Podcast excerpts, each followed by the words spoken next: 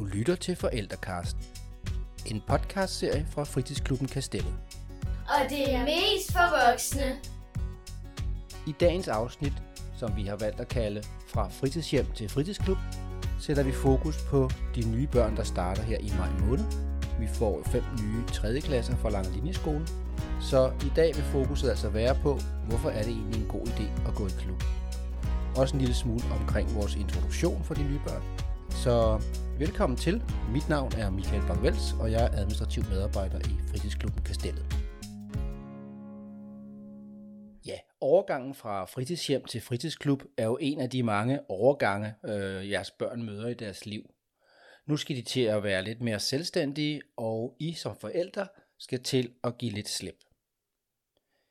Jeg vil starte med at sige, at øh, du som forælder øh, skal tænke på, at når dit barn nu starter i fritidsklubben Kastellet, så er det selvfølgelig op til jer at afgøre, hvor meget barnet skal benytte klubben.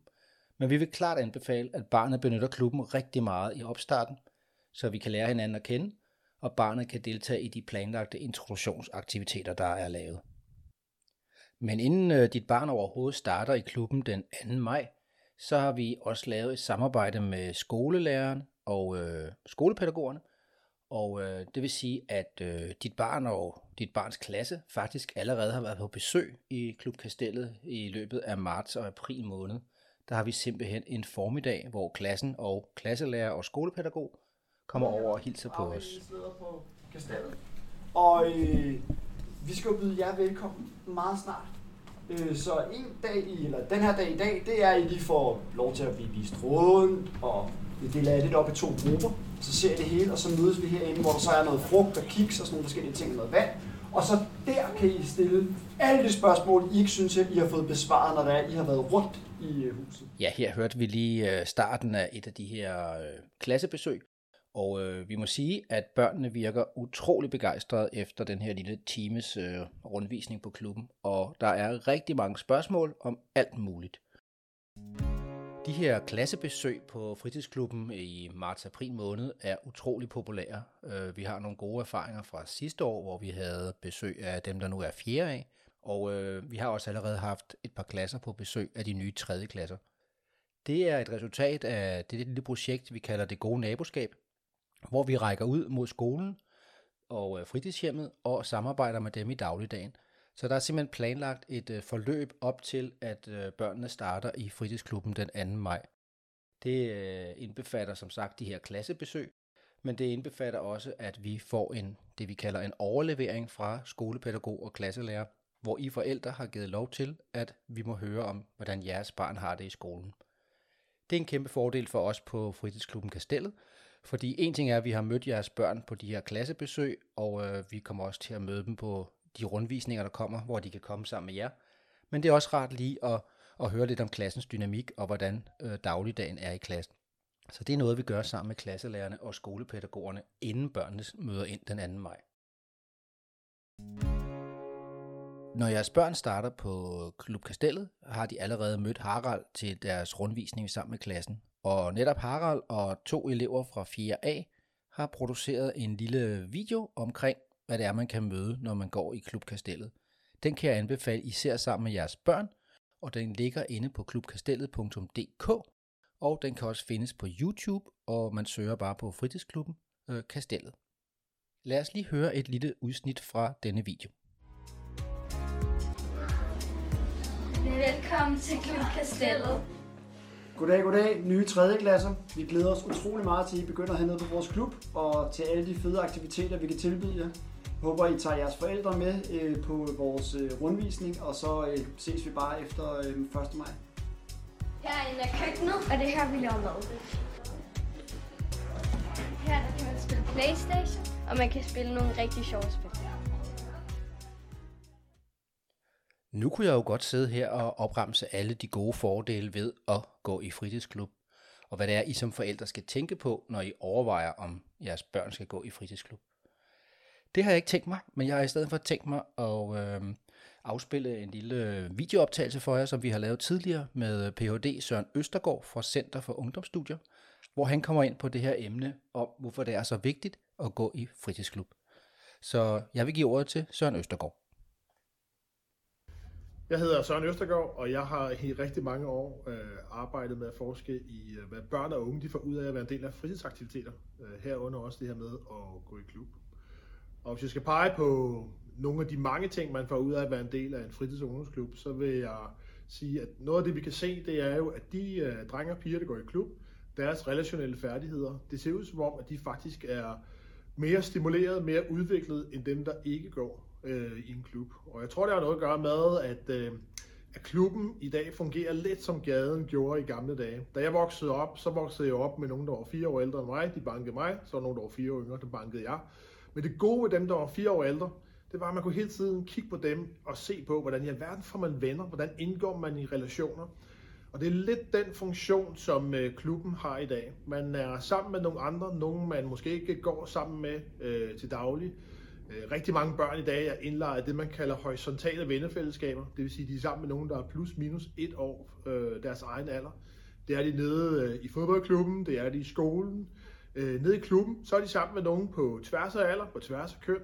Øh, og det vil sige, at hvis man er knap så stor, starter i 4. klasse, så kan man kigge på nogle af dem i 5. og 6. klasse, og lige se på, hvordan i alverden er det lige, man melder sig ind i lejen. Øh, og når vi ser på, hvad sådan øh, effekten er af det, så kan vi simpelthen se, at de børn, der går i klub, de er simpelthen langt mere selvorganiseret sammen. Det vil sige, de er meget bedre til det der med lige at række hånden op og sige, hey, skal vi lave noget sammen? Skal vi høre hjem til hinanden? Øh, så, så, så det der udvikling af nogle øh, sociale færdigheder er en vigtig del af det her med at gå i klub. Og den anden ting, som jeg tror, der er rigtig vigtigt at gøre opmærksom på, det er jo det her med, at man i klubben møder nogle, øh, det man kalder gode sekundære øh, voksne. I dag er det sådan, at vi kan se, at cirka en tredjedel øh, børn og unge, de har nogle voksne, de snakker med om de ting, de ikke overgår at snakke med deres forældre om. Og så ved jeg godt, at man som forældre tænker, at jeg har styr på det hele. Øh, så vil jeg egentlig bare sige, at øh, vi ved, at 40% af børn, øh, de vil helst ikke gøre deres forældre bekymrede. Øh, og udfordringen er, at i dag, så har man faktisk ikke så mange andre voksne, man lige kan tage fat i. Øh, jeg er jo så gammel, så jeg øh, er vokset op i en tid, hvor vi var hjemme hos hinanden. Og det vil sige jo, at jeg snakker jo rigtig meget med mine venners forældre om alt muligt. Alt det, jeg ikke overgår at snakke med mine forældre om, fordi jeg synes, de var idioter. Øh, det snakker jeg med, med mine venners forældre om. Øh, og i dag, så må man bare sige, så kommer man ikke hjem til hinanden. Jeg spiste min, øh, veninders, eller min venners mors boller. I dag så liker man et billede på Instagram. Vi er ikke, vi er ikke nær så meget hjemme hos hinanden. Vi ikke, interagerer ikke nær så meget med, med andre voksne sådan helt naturligt. Og her kan klubben noget, noget helt specielt. Det er der, hvor man møder nogle voksne, som jo er nysgerrig, som er fagligt dygtig. Faktisk så får man penge, når man er ansat i, i en fritidsklub og ungdomsklub, så får man simpelthen penge for at være nysgerrig på alle de ting, vi godt ved, der optager børn, når de går i 4. og 5. klasse.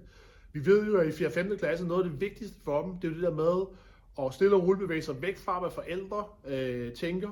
Øh, mor, har, mor og far har måske været gode til legeaftaler, har haft hånden godt op i røven på deres børn i nogle år, og så pludselig så skal de jo lære at indgå i nogle nye relationer. Og det er det, man, det er det, man øh, får hjælp til nede i klubben. Der er nogen, der gør det helt naturligt, øh, og så er der jo andre, som har brug for nogle voksne, der lige skubber dem ind i, ind i fællesskabet. Men også det der, når man så kommer op i 6. og 7. klasse, og der er rigtig mange andre ting, der begynder at fylde i ens liv. Øh, det der med at skulle snakke om krop og seksualitet og alle de ting, som man måske ikke altid overgår at snakke med sine forældre om, det kan man snakke med, øh, det kan man snakke med de voksne om nede i klubben. Øh, og ikke bare, øh, ikke bare sådan tilfældigt, men som en del af hele den øh, dagsorden, der er at gå i en fritidsklub. Nogle gange så tror vi jo, det vigtigste det er at øh, sidde foran skærm eller sidde i kreaværkstedet. Reelt så må man bare sige, det er jo bare det, man kalder et fælles tredje.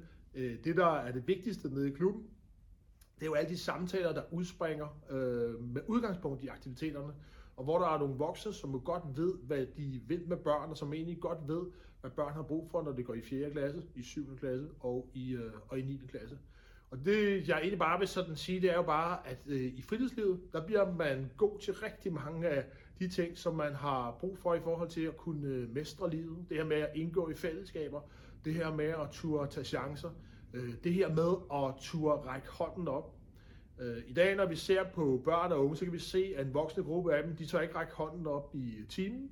Øh, og det tror jeg egentlig er et godt symptom på sådan... Øh, øh, den her ungdomskultur, vi har i dag. Vi rækker hånden op, når vi har styr på tingene, ikke når vi har brug for hjælp. Øh, og det man lærer nede i klubben, det er jo, at man bliver en del af arenaer, hvor man også træner det her med at, Og øh, fejle, øh, komme igen, øh, turde tage chancer. Det er alt det, som klub handler om i dag, og det er nogle af de allervigtigste arenaer i forhold til at gøre drenge og piger klar til en, øh, en verden, hvor tingene jo kommer til at udvikle sig hele tiden, og hvor hvis man kun øh, indgår i fællesskaber, hvis man tror, eller hvor man har styr på tingene, øh, hvis det kun er de perfekte relationer, man opsøger, så er der jo rigtig mange venskaber, man aldrig bliver en del af, rigtig mange aktiviteter, man aldrig bliver en del af, og rigtig mange kærester, man aldrig nogensinde får kysset med. Ja, her var altså et par rigtig gode øh, pointer og øh, refleksioner over det at gå i ungdomsklub. Og det var som sagt øh, Ph.D. Søren Østergaard fra Center for Ungdomsstudier, som øh, vi hørte her. I har også mulighed for at komme og møde klubben. Nu har jeres børn været her og besøge os i marts og april måned. Så i starten af april, der har vi øh, planlagt nogle rundvisninger, hvor jer og jeres børn kan komme på klubben øh, fra kl. 17 til kl. 18. Og der er sendt information ud via Aula, så de forskellige klasser kan se, hvornår det er, de skal, skal møde op. Du har netop lyttet til et afsnit af podcastserien Forældrekast, som er lavet af Fritidsklubben Kastellet, primært til forældre og andre interessenter. Hvis du som forælder til en 3. klasse, der skal starte i øh, klubben, har yderligere spørgsmål til opstarten, er du altid velkommen til at henvende dig til os på 42 60 45 45 eller skriv til vores leder Martin på martinsnabelag.pumpestationen.dk Vi glæder os til at se jer og jeres børn Tak fordi du lyttede med.